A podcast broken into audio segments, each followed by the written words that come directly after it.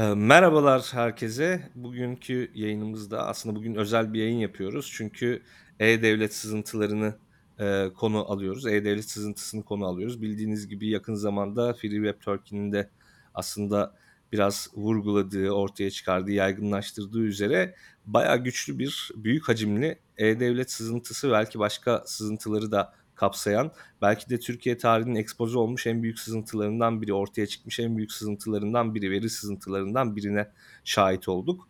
Eee, bunu bugün, eee, Dijital Demokratik Dönüşüm Grubu üyeleriyle birlikte konuşacağız. Ben de o grubun bir üyesiyim. Bu grup aslında dijital haklar üzerine çalışmalar yapan, eee, bir grup. İçinde gazeteciler, hukukçular, insan hakları savunucuları var. Ya da işte benim gibi tam olarak ne olduğu belli olmayan ama bir şekilde hepsinden biraz yapmaya çalışan insanlar var. Barış bizle beraber bugün. Barış Altıntaş, MLSA yani Medya ve Hukuk Araştırmaları Derneği'nin eş direktörü. Aynı zamanda Tarık Beyhan bizle beraber. E, tabii burada herkes kendisini temsil ederek bulunuyor. Onu da özellikle Tarık'tan bahsederken vurgulayayım. Tarık Af Örgütü'nün e, kurumsal iletişim ve kampanyalar direktörü ama şahsını temsil ederek burada bulunuyor. E, ben ilk başta esasen Barış'la e, başlamak istiyorum. Barış sen Free Web Turkey'de aslında buna ilişkin bir yazı yazdın ve e, Sorgu Panel isimli sitede e, bu sızıntıların e, sorgulanabildiğini söyledin. E, daha ayrıntısında anlattın. İçerisindeki bilgiler işte pro üyelik, e, onların Discord gruplarında vesairede bulundun. Yani araştırmak amacıyla. Bize aslında olayın biraz ayrıntısını anlatabilir misin? Anlatabilirim, özetleyeyim. Biz e, bu haberi geçen hafta yaptık ve gerçekten online olarak sorgu e, paneli diye bir site vardı. E, Telegram'da e, ve halka açık hani işte Tor Network'ün kullanılmadığı bir e, e, kamu kamusal alanında açık bir şekilde e, kimlik bilgilerinizi girip e, işte isim, soyad, adres her şeyi görebildiğiniz son derece kapsamlı bir e, panel olduğunu e, gördük ve bunu haberleştirdik. E, çoğu gazete e, ve kanalda bizden aldı. Bu tartışılmaya başlandı. E, burada e, sonrasında olan e, süreçte bu veriyi paylaşan kişiler bununla e, gayet açık bir şekilde e, Discord kanallarının e, linkini paylaşmışlardı. Ben de buraya girdim ve hangi e, kaynakların veriyi nereden aldıklarını öğrenmeye çalıştım. Ve burada anladığımız kadarıyla bu e, yayınlanan panelde dört tane farklı veri seti var, dört beş tane. Bunları da ikinci bir haberde yazdık. E, bunların hepsi de hemen hemen hepsi e-devlet veya devlet kurumlarının e, elindeki verilerden sızdırılmış bilgiler. Bunlar diplomalarımız, TC kimlik numaralarımız değil sadece kimliklerimizin görüntüsü, e, okul diplomalarınız bunların gelmesine başka bir yerden imkan yok. Daha sonra detaylı olarak e, anla, konuştuğumuzda anlaşıldı ki farklı farklı site isimleri verdiler. E, hala birçok e, sitede örneğin Gelir İdaresi Başkanlığı'nın sitesinde şu an hala veri çekmenin hiçbir e, e, parola olmadan, giriş yapamadan örneğin e, mümkün olduğunu söylediler. Aynı şekilde geçen haftaya kadar e, e, e okulda e, vesika, okul vesika bilgisinin çekilebildiğini, bunun ancak geçen hafta düzeltildiğini söylediler. Ve kendileri aynı zamanda e, bunu bu siteyi e, yapan kişiler değil ama bu işlerle uğraşan işte panelci dediğini e, adını verdi, verebileceğimiz arkadaşlar anlattı. Aynı zamanda bu tür açıkların e, devamlı olarak olduğunu, bunların kapatılması için de devletin bir politikası olmadığını ve e, sızdırılmış verinin zaten çok kolay erişilebildiğini bir e, hani e, alıntı yapmak gerekirse abla e, şey e, veriye para veren aptaldır çünkü zaten hepsi internette gibi bir e, cümle de söylediler. E, burada sorumluluğun doğrudan devlet olduğu, İçişleri Bakanlığı olduğu, verilerimizin korunmaması konusunda aslında bu kişiler de bundan şikayetçi çünkü biz aynı sonuçta aynı ülkede e, yaşıyoruz. Bunun yeni bir sızıntı olup olmadığı tartışıldı. Hayır değil ama hep devam eden bilgi sızıntıları var. İşte bugün e, şu an e, Gelir İdaresi Başkanlığı'nın e, web sitesinin açık olduğu gibi. Buradan bu anlaşılıyor. Bunu yapan e, arkadaşları savunmak adına değil ama e, şunu söylemek istiyorum. Çoğu gerçekten e, 18 yaşın altında bir kere e, hukuki İnanılmaz. olarak reşit değiller. İkinci olarak e, çok teknik olarak bilgili e, işte karanlık hackerlar değiller söyledikleri gibi olan veriyi kullanıyorlar. E, biraz daha e, aşırı neşirler bilgisayarla ama çok e, derin bir anlayışları olduğunu da e, söylemek bilmiyorum. Bunu hani e, güvenlikçinin değerlenmesi lazım ama ben örneğin illegal bir eee, veri satıyor olsam bunu muhtemelen Discord'dan duyurmazdım kendim olarak başka, eee, internetin başka köşelerinden. Bu bile bize bir ipucu ipucu söylüyor ve, eee, bunu sadece daha böyle erişilebilir hâle getiriyorlar. Gene onların adına savunmak adına söylemiyorum ama burada, eee, sorumluluk verilerin sürekli olarak sızdırıldığı o 2'nci eee, freewebturkey.com'da da bakabilirsiniz orada, eee, 4-5 veri seti. Bunu farklı, eee, panelciler de doğruladı ortada olan verinin. 101.000.000 kişinin verisinden bahsediliyor. Bu, eee, sızıntı sanırım birkaç yıl önceden, şu an hatırlamıyorum, o halk sağlığı yönetim sisteminden gelen büyük bir sızıntı var. Bunu da eee, söylemek istiyorum. Sadece Türkiye Cumhuriyeti vatandaşlığı değil, bir şekilde ikamet almış herkes, eee, bu sistemde açıkçası var. Eee, bunu biz de denedik. Eee, yabancı olan ama burada, eee, yasal, eee, 99'la başlayan bir TC kimlik numarası olan herkesin de buraya sızdığını görmek mümkün. Bu, eee, anlamda veri sızıntısı bazı insanlar, eee, yeni bir şey değil diyorlar ama burada korkunç olan bence bu veriyi, eee, ulaşılabilir kılan insanların bilinçli ya da bilinçsiz bu kadar rahat davranılması. Çünkü devlet de, eee, bir, eee, onlara karşı bir adım atmıyor. Bir de son olarak şunu söylemek istiyorum gene, eee, aktarım olarak. Bu veriler artık yayıldı. Yani hepimizin, eee, buna karşı ne yapabiliriz? İşte isminizi değiştirebilirsiniz her ay çünkü devam edecek. TC kimlik numaranızı zaten değiştiremezsiniz. Her ay taşınabilirsiniz. Yani böyle bir, eee, büyük bir sorun var ama bundan sonrası için atılması gereken adımlar var. Onları da paylaştılar, eee, arkadaşlar. Bunların, eee, yapması gereken devlet henüz tek bir açıklama yapmadı veri sızıntısı konusunda. Evet, Eee, bu bunun inanılmaz bir şey. Eee, aslında benim senden, hani, vurgulamanı isteyeceğim şey bir de o olacaktı. Yani bu veri sızıntısı artık, hani, bir şekilde, eee, eli telefon tutan herkesin malumu ama, eee, hiçbir açıklama görmedik. Açıklama haricinde, eee, yani yetkililere, işte, belki siz de ulaşmaya çalışmışsınızdır nihayetinde. Ulaşmaya çalıştığımızda şey de yok. Ya, herhangi bir ya, aslında çoğunun, eee, bu durum karşısında ne yapacağını çok da bilmediğini aslında ben düşünüyorum. Yani çünkü olan olmuş gözüyle bakılıyor bile olabilir gibi bir intiba uyandı açıkçası bende. Bir soruya bir tane cevap verilmiş bu arada. Füsun Hanım, Füsun Nevil, eee, Hanım KVKK'yla görüşmüş. Bize başvuru gelmedi diye bir cevap gelmiş. Yani bu kadar a a açık bir şekilde olan sızıntı herkes farkında ama başvuru bekliyorlarmış. Evet, Kişisel Verileri Koruma Kurulu, eee, hemen şey yapayım KVKK'yı bilmeyenler için, kişisel verilerimizin korunması için kurulmuş. Avrupa'da da işte bu GDPR denilen aslında kişisel verilere ilişkin düzenlemelere uyum sağlamakla ilgili görece büyük adımlar atmış bir kurum, dahi bize şikâyet gelmediği sürece biz işlem yapamayız diyor galiba ama bu şikâyetle ilgili de sanırım Barış bize bir bilgi verir. Ben bir, eee, çağrı yapmak istiyorum buradan. Eee, bir, eee, bizim burada yapmamız gereken, eee, biz bunu yaptık. Eee, eş direktörümüz adına bir dava açtık. İçişleri Bakanlığı'na, eee, herkesin, panelde hepimiz varız, dava açması gerek. Çünkü, eee, verilerimizi koruma yükümlülüklerini yerine getirmediler. Buradan doğrudan sorumluluk, objektif sorumlulukları var. Burada bir hata olmuş olması, bunlar da konuşulur belki mahkeme sürecinde. Herkesin bunu yapması lazım. Bunun sorumlusu, eee, İçişleri Bakanlığı. Çünkü bu sitelerin yönetimi, eee, güvenliği, eee, burada bir, eee, strateji belirlenmesi, o yazılımın hazırlanması konusunda devletin bir politikası yok. Ayrıca olan, eee, açıklara da, insanların bildirdiği açıklara da, eee, devam eden bir süreç bu. Eee, karşı bir önlem almamakta ısrar ediyor. Büyük bir özensizlik var. Bu bu yüzden bütün vatandaşlara, eee, bu konuda dava açmalarını öneriyorum. Bu verilerin en çok toplandığı yer İçişleri Bakanlığı olduğu için mi öyle diyorsun? Sanırım çünkü mesela E-Devlet'i Ulaştırma ve, eee, İletişim Bakanlığı'na bağlı TürkSat işletiyor ama herhâlde TürkSat sadece o, eee, siteyi işlettiği için, yani verileri toplayan yer temelde olmadığı için, yani iş ulatış iş İletişim ve Ulatış Ulaşım Bakanlığı yanlış bilmiyorsam galiba onun için, eee, İçişleri Bakanlığı mı asıl, eee, bizim davamızın karşı tarafı olmalı? Şimdi burada bu, eee, veri sızıntıları devam eden, eee, ve geçmişte olan bir kişinin, bir şirketin sorumluluğu değil. Bunların, eee, belli bir protokolle oluşturulması gerek. Gene bir öneri geldi güvenlik önerisi olarak. Bunun için devletin bir birimi olmalı. Yazılımın, eee, bütün bütün devletin, eee, sitelerinde aynı protokoller uygulanmalı. Bunu kim işletiyor olursa olsun, hangi şirkete veriyor olursak olsa olalım, aynı kurallara, aynı güvenlik kurallarına riayet etmesi gerekir.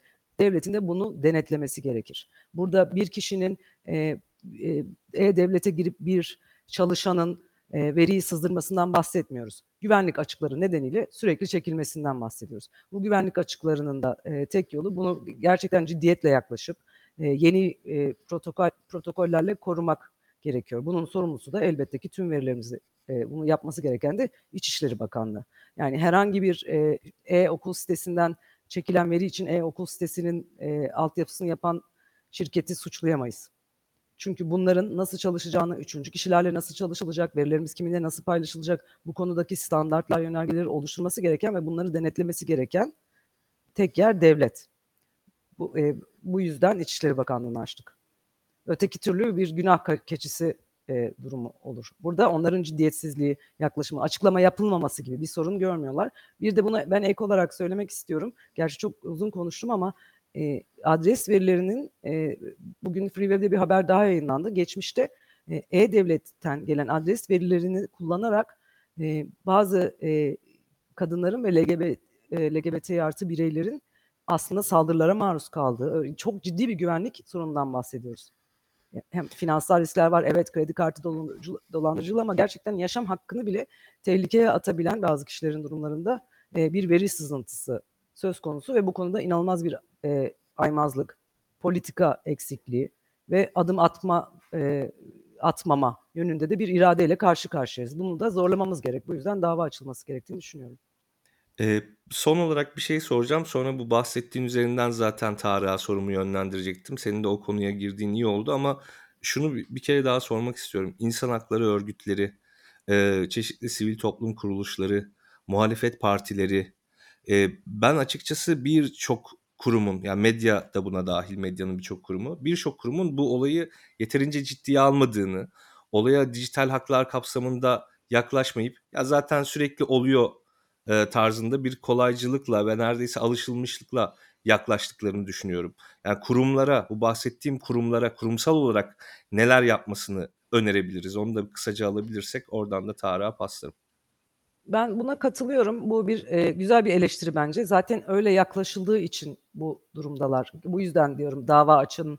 E, bunu haberleştirirken hani daha fazla a e, bu, gene bunu yapan kişilere yönelmek işte e, 4-5 panelde var. Bu, bu önemli değil. Önemli olan bu verinin oraya çıkmaması.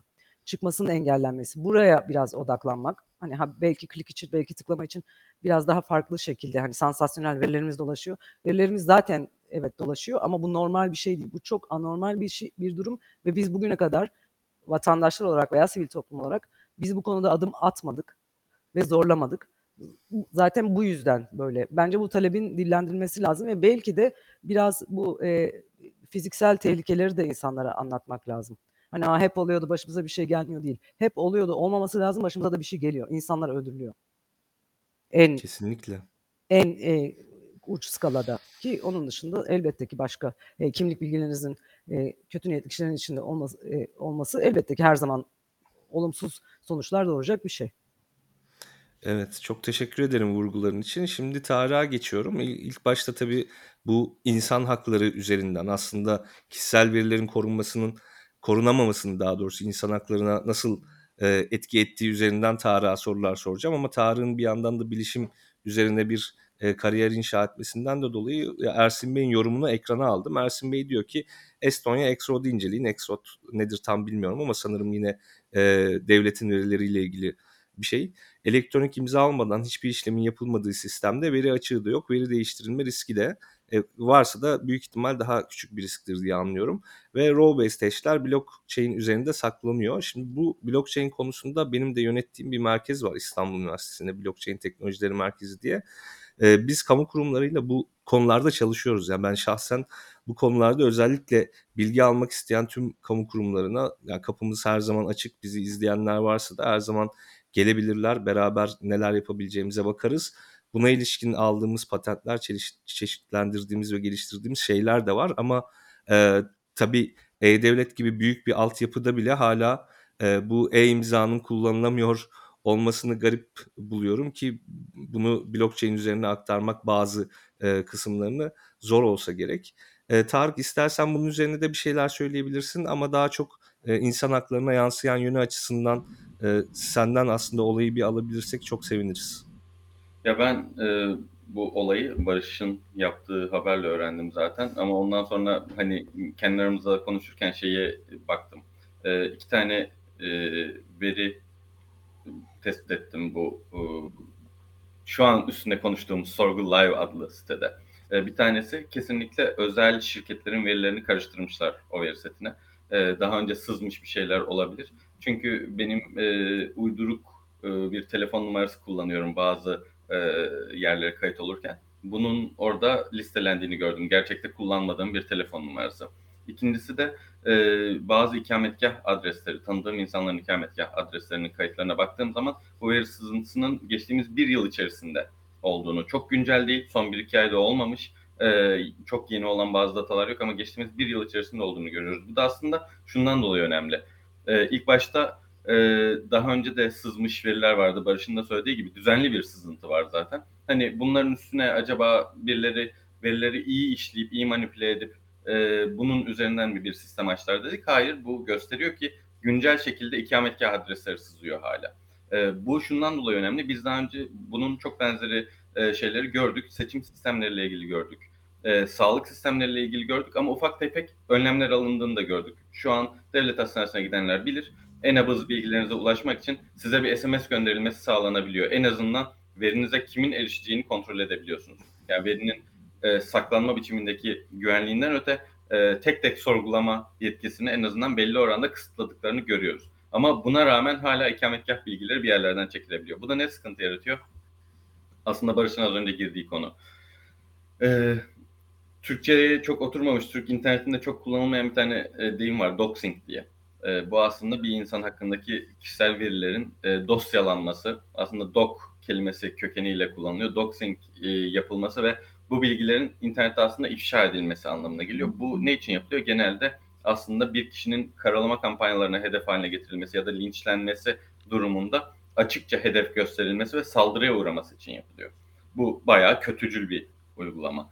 Ee, ve biz bunu aslında bireysel olarak bazı vakalarda daha önce görmüştük ve bu vakaların da bir kısmı aslında daha önce sızan verilerden e, ortaya çıkmıştı. Bunu anlayabiliyorduk çünkü en azından şunu da görmüştük. Bazı insanların adresleri yayınlandı. O kişiler aslında artık orada oturmadıklarını, onların eski adresi olduğunu ama bunun tehlikeli bir durum olduğunu anlatan tweetler atmışlardı. Biz bugün aslında çok güncel şekilde birçok insanın adresinin birilerinin elinde olduğunu görüyoruz. Yani aslında şöyle özetleyebilir miyiz Tarık? Yani veri toplulaştır, yani verilerin sızdırılması zaten e, esas sorun ve asıl vehamet orada.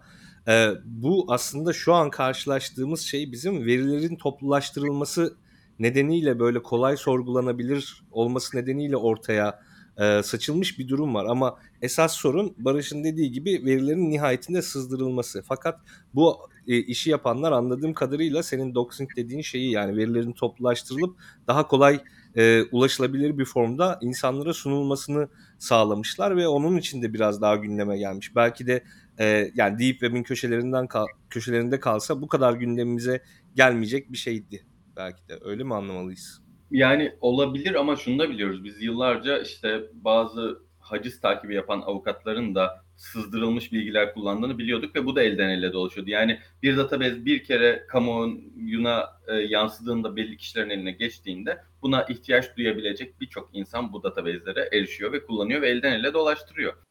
Bunu ben bir ekleme yapmak istiyorum.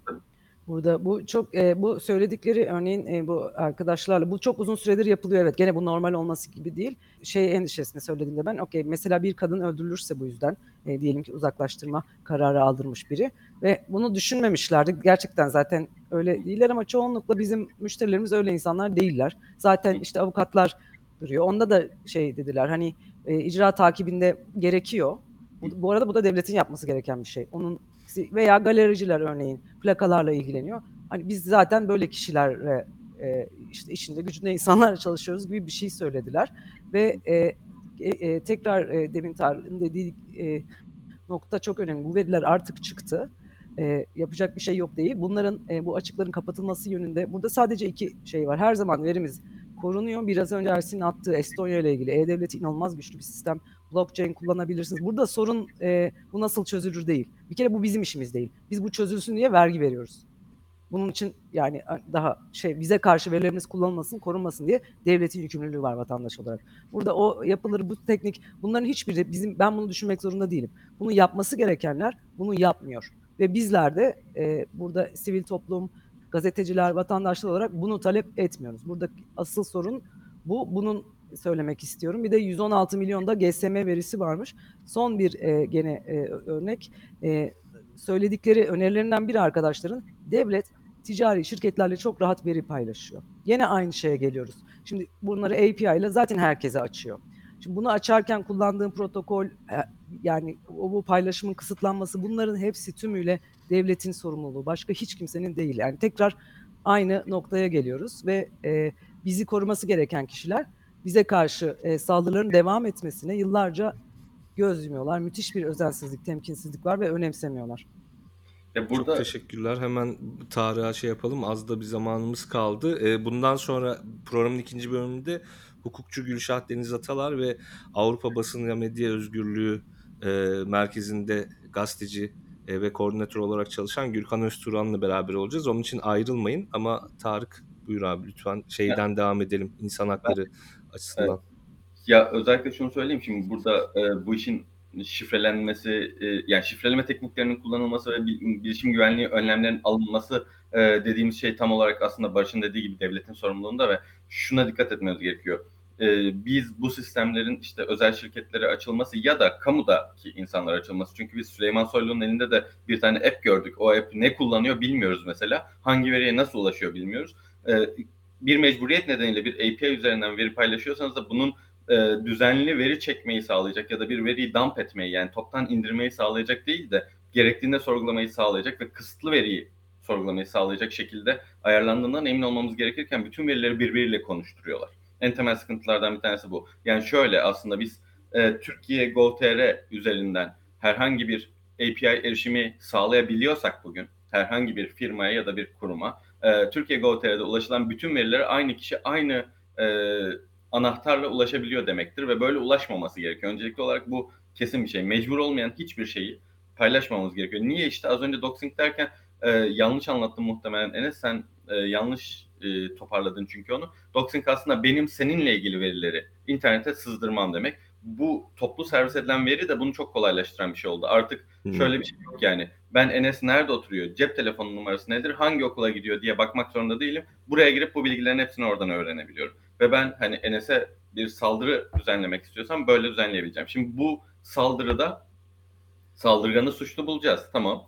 Peki bu verileri korumayanı suçlu bulacak mıyız? Bu insanlar herhangi bir e, suçta yargılanacaklar mı? Biz e, bilişim güvenliğini sağlamadığı için devlet yetkililerinin hesap vermesini nasıl sağlayacağız? Çünkü bu gerçekten çok büyük risk yaratıyor. Nereden biliyoruz? Biz çünkü televizyon önlerinde dövülen gazeteciler de biliyoruz. Biz saldırıya uğrayan LGBT aktivistleri de biliyoruz. Biz öldürülen kadınlar da biliyoruz. Peki bu insanların güvenliğini e, ortadan kaldıran şeyin bu veri sızıntıları olduğunu söylediğimizde devlet yetkilileri bize ne diyecek? İnsan hakları açısından tabii ki mahremiyet hakkı önemli bir şey ama mahremiyet hakkının bu dijital verilerdeki e, en önemli olduğu kısım aslında bu insanlara yarattığı diğer hak ihlalleri ihtimali ve yarattığı en büyük hak ihlali ihtimali de hayat hakkının ortadan kaldırılma ihtimali. Bu nedenle de e, az önce Barış da söyledi. Ben de altını çizeyim. Bir, e, bize kimse başvuruda bulunmadı deyip utanmadan haftalardır e, iki haftaya yakın oldu değil mi Barış? Yani 10 güne yaklaştı bu haberi sen yapalı. Evet. E, 10 gündür bir açıklama yapmayan KVKK. Bu KVKK'nın e, yani kişisel verileri koruma kurumunun bir açıklama yapması ve bu olayı nasıl takip ettiğini bize izah etmesi gerekiyor. İki, UYAP da dahil olmak üzere bizim verilerimizin toplu halde işlendiği bütün devlet kurumlarının o verileri nasıl işlediğini, hangi verileri birbiriyle konuşturduğunu bize anlattığı dokümanlar yayınlaması gerekiyor. Ben e, açık öğretimden adalet okuyorum ayrıca. UYAP'ın hangi e, sistemleri nereyle konuşturduğunu orada aldığım eğitimde öğrendim. Başka hiçbir yerde ulaşamıyorum bu bilgiye. Ve e, devletin bize bunu açıklaması gerekiyor. Üçüncüsü bu insanların verilerini nasıl koruyacağımıza yardımcı e, nasıl koruyacağımıza dair tekrardan hani sızmış verilerin sonucunda bu verileri nasıl ortadan kaldırdıklarına dair ne yaptıklarını bize izah etmeleri gerekiyor. Çünkü aslında internetten bazı şeyleri bir oranda temizlemeniz mümkün. En azından indirmeyen kişilerin bu verileri toplamamış kişilerin elinden bu verileri nasıl alıyorsunuz? Erişime nasıl engelliyorsunuz? Söylemeleri gerekiyor. Son olarak da en önemli kısımlardan bir tanesi can güvenliği olduğunu iddia eden kişiler başvurduğu zaman bu insanlara koruma sağlanacak mı? Bu insanların ne bileyim yeni ikametgahlar edinmeleri sağlanacak mı? Ne yapılacak? Çünkü devletin aslında telefon ederseniz gelip bakarız dediği bir sürü can güvenliği olan insan var. Bu insanların adresleri sızdı. Bunlara güvenlik sağlanacak mı? Bunları devletin acilen açıklaması gerekiyor. Benim söyleyeceklerim de bu kadar. Çok teşekkürler Tarık. Hakikaten yani en azından e, Barış bizim atmamız gereken adımları biraz sıralamış oldu. Sen de aslında hesap vermesi gereken kurumların e, atması gereken adımları e, sıralamış oldun. İkinize de çok teşekkür ediyorum katıldığınız için. Şimdi Gürkan Özturan ve Gülşah Deniz Atalar'la e, devam ediyoruz yayınımıza.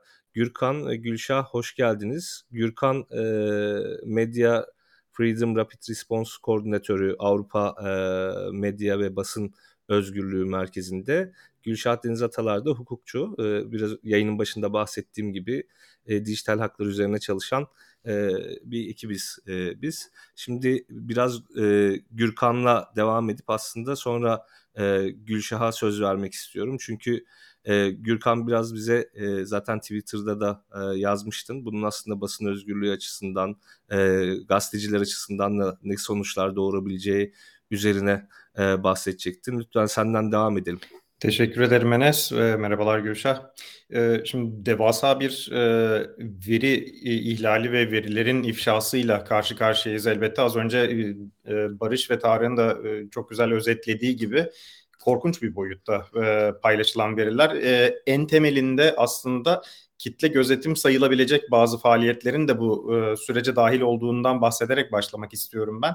E, yayınlanan portallarda gördüğümüz üzere kişilerin dijital ayak izlerine kadar e, aynı zamanda yani hususi kullanılmış olan e, diğer alanlara kadar kimlik eşleştirmesi yaparak verilerinin ortaya çıkarabileceğini e, görmüş olduk. Bunun tabii ki en büyük etkisi, ilk daha doğrusu büyük etkisi psikolojik bir travma ve kaygı olacak ve bu da aynı zamanda kişilerin yapmış oldukları işlere de yansıyor. Yani ben e, özellikle medya alanından ve e, hak savunuculuğu açısından yaklaşmak istiyorum. Az önce Tarık'ın da bahsettiği konuya değineceğim tekrar. Fakat e, sivil toplumda çalışan, hak savunuculuğu yapan ya da e, medya alanında çalışan gazeteciler ve medya çalışanlarının bu verilerinin ifşa olmasıyla ilgili olarak e, yaşadıkları psikolojik e, baskıyı e, baskının kendi işleri üzerindeki etkisi e, ilk olarak görebileceğimiz e, e, şeylerden bir tanesi. Bir diğeri ise kendilerinin ilgili çalıştıkları kişilerin verilerinin ifşa olması. Yani bu hak savunucuları açısından özellikle de koruma altındaki kişiler e, tarafından bakılacak olursa az önce Tarık'ın değinmiş olduğu gibi bu kişilerin zarar görmesinin önündeki engellerden bir tanesi anonimliklerinin ve konumlarının e, belirsizliğiydi. E, şimdi bu kişilerin konumları eğer belirlenebilir oluyorsa bu şekilde bir e, uygulama üzerinden bunun güvenliğini sağlamak e, ne şekilde olacak ve Barış'ın da sormuş olduğu gibi bu, bu olmasın diye zaten vergi ödenirken böyle bir ifşanın sorumluluğunu kim üstlenecek? İkinci bir e, açıdan yaklaşacak olursak kaynakların ifşası habercilerin zaten e, şu an zorlu koşullar altında faaliyet yürüttüklerini düşünürsek bir de kaynaklarının aynı zamanda bir gün ifşa olur muyum, bir gün ortaya çıkar mıyım ve yani anonim kalmak istediğim bir halde eğer e, bir yerde adım e, bu haberle ilişkilendirilirse başıma bir şey gelir mi çekincesiyle daha da içe kapanık bir şekilde e, haberlere kaynak olmama gibi bir duruma e, yürüyebilir. Aynı zamanda yine e, bu kitle gözetimin ve veri ifşalarının çok sıklıkla ortaya çıkardığı, diğer ülkelerde de görülmüş olan bir itibar hasarı var. Yalnızca ülke açısından değil, aynı zamanda dediğim gibi benim odaklandığım e, alanlardaki hak savunucularının ve gazetecilerinin e, yaşamış olduğu itibar hasarı ve e, bunun akabinde aynı zamanda kendilerinin editoryal süreçlerine müdahaleler bu kişiler aynı zamanda bu tür e, ifşaların neticesinde şantaja maruz e, bırakılabilecek bir e, açıklığa kavuşuyorlar. Şantaj, nefret söylemi, çevrimçi suçlara alet edilme, linç kampanyalarının hedefi olma tüm bunlar hususi verilerin ihlalleriyle doğrudan doğruya ilişkili. Dijital ayak izleri de az önce bahsetmiş olduğumuz gibi yine e, bu şekilde kişilerle ilişkilendirilebilecek bir düzeyde. E, tam olarak e, Enes sen bu konuda daha e, vakıfsın konuya fakat mali bilgiler de bildiğim kadarıyla buna dahil ve aynı zamanda Türkiye'de bu mali bilgilerin ne kadar e, sıklıkla yine e, özellikle online linç kampanyalarına konu olduğunu biliyoruz. Ve bir diğer e, hususlardan bir tanesi son bir haftadır e, uluslararası bazı e, aktivistlerin de bana sıklıkla sormuş olduğu uluslararası istihbarat servislerinin Türkiye'den yolu geçen e, ve Türkiye'de ikamet etmiş olan herkesin verilerine erişile, erişebiliyor olması. Burada e, son olarak söylemek istediğim büyük bir ihmal var ve Barış'ın söylediğini tekrarlamak istiyorum. Vergileri tam olarak da bu olmasın diye ve vergiler e, bu güvenliği sağlasın diye ödenirken e, bu büyük ihmalin sorumluluğunu kim alacak? Gerçekten e, merakla bekliyorum. Yani bu büyük ihmalin sorumluluğunu alması gerekenleri biraz önce Tarık ve aslında Barış e, biraz özetledi ama tabii bunun için bizim de bayağı bir çaba e, göstermemiz gerek e, anladığım kadarıyla. Çünkü yani KVKK bile yani bizim kişisel verilerimizin korunması için kurulmuş olan bir kurum ve bunun içerisindeki yüzlerce çalışan, o işler için getirilmiş bir dünya yasal düzenleme falan bize şikayet yok deyip işin içinden çıkmaya çalışıyorlar. Demek ki biraz da bizim peşinden koşmamız lazım. Ee, burada Gülşah aslında bir pas atmak istiyorum. Gülşah siz tabii sen yani hem e, siyasi hem işte şahsi işlerin dolayısıyla dijital haklar, işte kişisel veriler e, bu konularla zaten ciddi ciddi ilgileniyorsun. Aslında sen biraz hukuki açıdan yorumlarsan e, nasıl bakarsın olaya? Yani hem hesap sorma hem hesap verme açısından baktığında. Şimdi Gürkan o zaman şeyden devam edelim biz. Ee, yani bu gazeteciler aslında e, yoğun bir e, sıkıntı altında. Hatta arkadaşlarımızdan biri de izleyicilerimizden şöyle bir yorum yapmış. E, Gürkan Bey anladığım kadarıyla gazetecileri kurtarıyorsunuz siz demiş. Yani zor durumdaki gazetecilere e, belli imkanlar sağlıyor Media Freedom Rapid Response. E, bence bu veri sızıntısı bile size başvurmak için bir neden bence demiş. Yani e, şu an risk altındaki gazeteciler belli gruplardan tehdit alan e, gazetecilerin aslında e, verileri, adresleri, e, telefon numaraları, işte TC kimlik numaraları, e, sağlık verileri, tapu verileri, çeşitli işte başka mali verileri vesaire sürekli aslında e, elden ele dolaşıyor gibi bir durum var. E, yani hakikaten burada nasıl bir tavır alınmalı? En azından kendini güvende hissetmek isteyenler açısından e, belki nasıl bir şey yapılmalı? Tabii ki bu tehlikeyi tamamen bireysel çabalarla bertaraf edemeyiz ama bu konuda bir önerin var mı? Yani dijital güvenlik açısından elbette yurttaşlar ve e, haberciler ya da hak savunucuları her kim olursa olsun dijital veri güvenliğini bireysel çabalarla tam olarak sağlamak mümkün değil devlet kademesinde bunu sağlamanın mümkün olduğunu Estonya örneğinden görebiliyoruz. Fakat burada bir iyi, niyet aramak gerekiyor aynı zamanda. Bunu yaparken de e, tabii bu habercilerin farklı e, düzlemlerde hedef olarak gösterilmesi gibi bir e, durumla da karşı karşıyayız biz aynı zamanda Türkiye'de. E, bizim izleme yaptığımız Mapping Media Freedom üzeri, e, üzerinde örneğin her 7 vakadan bir tanesi Türkiye'de, bütün Avrupa'daki. Yani gazetecilere yönelik saldırıların, e, hak ihlallerinin her yedi tanesinden bir tanesinin yaşandığı bir ülkede veri ihlali, verilerin ifşasının aynı zamanda daha da fazla bir risk getireceğini görmek e, aslında işten bile değil.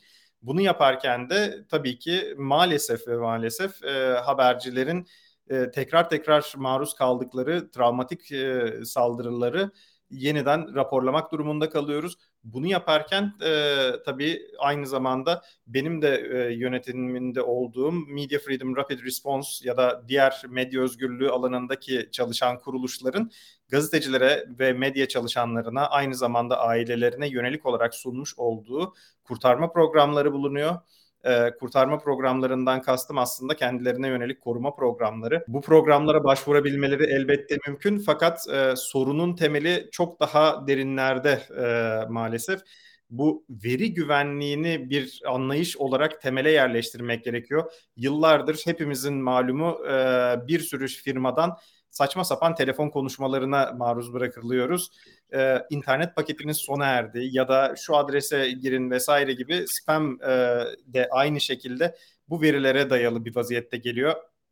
telefonun diğer ucundaki bir dolandırıcı bana kalkıp benim yaşadığım adresi, e, benim bugüne kadar almış olduğum krediyi, bankaya olan e, ödememi vesairemi bu tür hususi verilerimi bana anlatarak benden para koparmaya çalışabiliyor. Hatta çok ilginç bir şey oldu. E, bir telekom şirketinden bir telefon aldıktan sonra bir görüşme yaptıktan sonra Almanya'dan hemen arkasından benim telefon numaramı henüz daha Türkiye'den kimse bilmezken e, bir anda telefon dolandırıcılarından telefonlar almaya başladım. Bu da aslında şirketlerin de e, veri güvenliğini ne kadar hafife aldığını gösteriyordu. Kendilerine bu veri güvenliği ile ilgili bir adım atmaları gerektiğini söylediğimde bu veri sızıntısının kendilerinden kaynaklanmış olamayacağını belirtmişlerdi. Fakat ben telefon numaramı henüz iki gün önce almıştım. Başka bir ihtimal göz önünde bulundurulamazdı. Çok teşekkürler Gürkan. Yani hem kişisel deneyimini paylaştığın için hem de aslında biraz da e, yol e, gösterdiğin için. Evet, Gülşah sana geçmek istiyorum aslında. Sen de zaten yakından takip ediyorsun e, yaşananları. E, ya hukuki olarak hakikaten hem hesap sorma hem hesap verme açılarından baktığımızda yani nasıl hareket etmeliyiz? Tabii herkes bunun üzerine bir şeyler söyledi ama belki böyle daha e, pratik sonuçlar doğurabilecek bir şey var mı önümüzde? Yoksa yine şey mi demeliyiz? Zaten Türkiye demokratik bir ülke değil. Onun için işte ne kadar uğraşsak da bir sonuç alamayacağız deyip kenara mı çekilmeliyiz? Yok tabii öyle kenara çekilmemeliyiz. Çünkü bizim hukuk yani hak arama özgürlüğümüzü kullanmamızla şey aynı değil. Hani demokratik bir ülkede bir hukuk devletinde yaşamadığımızı düşünmemiz onlar aynı şeyler değil. E, burada e, şöyle bir sıkıntı var. Hep şey diyorlar vatandaş önlem almak için ne yapabilir? Şimdi vatandaş devletin dijital sistemlerinde bulunan bu tip verileri e, devletin koruyacağına güvenerek zaten e, bunu veriyor o sisteme. Yani kendisi istekli de değil zaten mecburen o sistemlerde bulunan veriler. Bu tip hassas ve özel nitelikte verilerin korunacağını inanıyoruz ve o şekilde hareket ediyoruz. Şimdi bu skandal olunca da bunun öncesinde de bir sürü skandal oldu zaten ama e, verilerimizin korunmadığını hatta e, KVKK'ya yapılan veri ihlali bildirimlerinin sonucunun da takip edilmediğini görmüş olduk. Sonuçta oraya bir veri ihlal e, bildirimi yapılıyor. Onun o verilerin ihlal edildiği sistemlerdeki verilerin nereye gittiği kontrol edilmiyor. Bunlar sonuç olarak bir havuzda toplanıyor e, ve bazı kişilerin kullanımına açılıyor.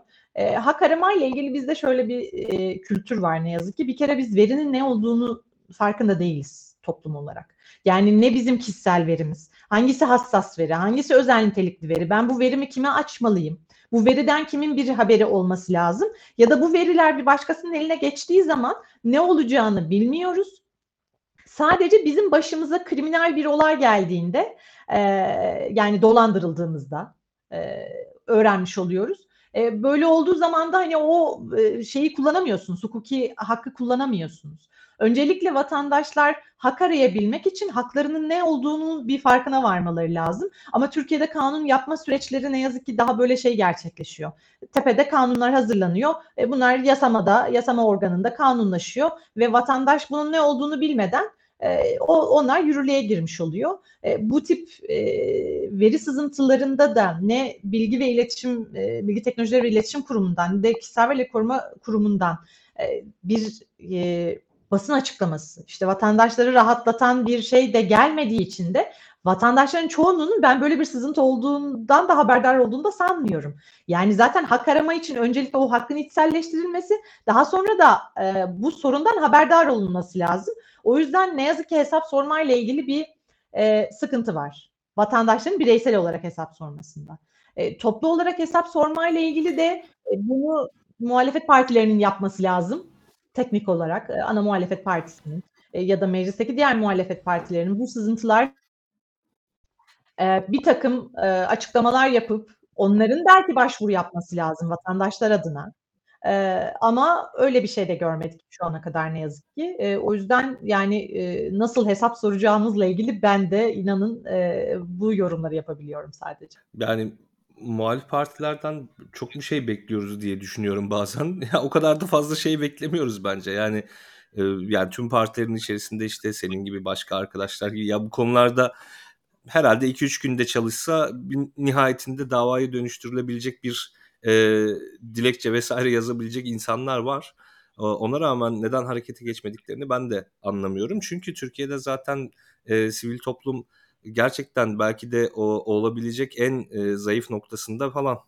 Yani böyle bir sıkıntı var. Ee, orada bizim hakkımızı en çok savunması gereken görece korumalı pozisyonda olanlar aslında siyasi partiler.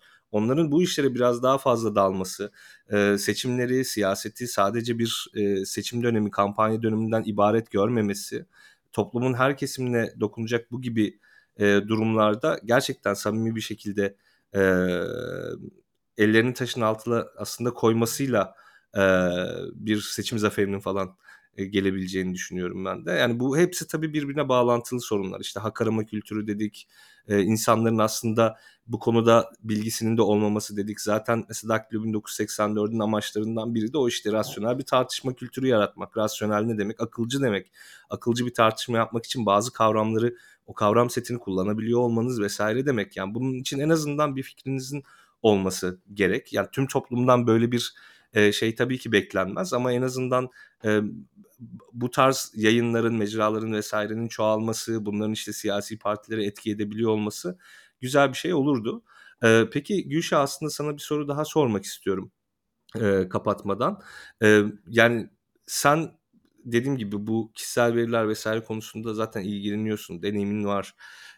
Bireysel olarak dava açmak isteyen, şikayetçi olmak isteyen bir insan yani kısaca özetle aslında hangi yolu izlemeli? Elinde bir kanıtla mı gitmesi lazım? Yoksa e, yani kendisi sadece bir yere cimerden şikayet mi etmesi lazım? Gidip bir kuruma dilekçe mi vermesi lazım? Bir avukat mı tutması lazım? Aslında nasıl bir e, yol izlemesi lazım? Böyle küçük bir şeyle hani o, o hak arama kültürünü yaygınlaştıramıyoruz dedik ya belki ona yardımcı olması açısından. Şimdi öncelikle şey söylemem lazım. Bu bizim karşı karşıya kaldığımız bu son sızıntıda anladığımız kadarıyla 2022 Eylül'ünde bu halk sağlığı yönetim sisteminin verilerinin sızdırılmasından elde edilen çok büyük bir veri var. Aslında o dönemin Cumhuriyet Halk Partisi İstanbul Milletvekili Onur Saladı Güzel bu konuyla ilgili işte yabancı forum sitelerinde halk sağlığı yönetim sistemindeki şeylerin verilerin satıldığını e, söyleyen ve Sağlık Bakanlığı'na bunu soran bir soru önergesi verildi. E, Ekim 2022 tarihinde. Ama tabii ki bakanlıktan buna tatmin edici bir cevap gelmedi. Aslında e, siyasi partilerde bu konuyla ilgilenen e, siyasetçiler aslında yani yapabilecekleri şey de bu tabii ki böyle bir e, sıkıntı var. Bununla ilgili ne yapıyorsunuz diye bir soru önergesi vermek ama soru önergesine e, ilgilileri cevap vermediği zaman o zaman aslında siyasi partilerde e, ellerindeki yapabilecekleri aslında sınırlı sayıda e, imkanı kullanıyorlar ve bunu yapıyorlar ama buna bir cevap gelmedi. E, bugün görüyoruz ki bu e, veri setinde e, halk sağlığı e, yönetim sisteminden çok fazla veri var. Bunlar çok hassas veriler, özel nitelikte veriler. Şeyi bir türlü e, vatandaşlarımız anlayamıyor. Bu sağlık verilerin sızması demek.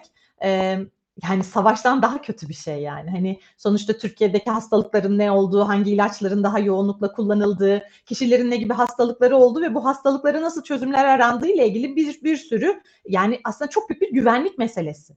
E, sağlık verilerinin sızması. E, o yüzden e, yani cevaplar da gelmediği için de açıkçası o konuyla ilgili mesela bir yorum yapamıyorum.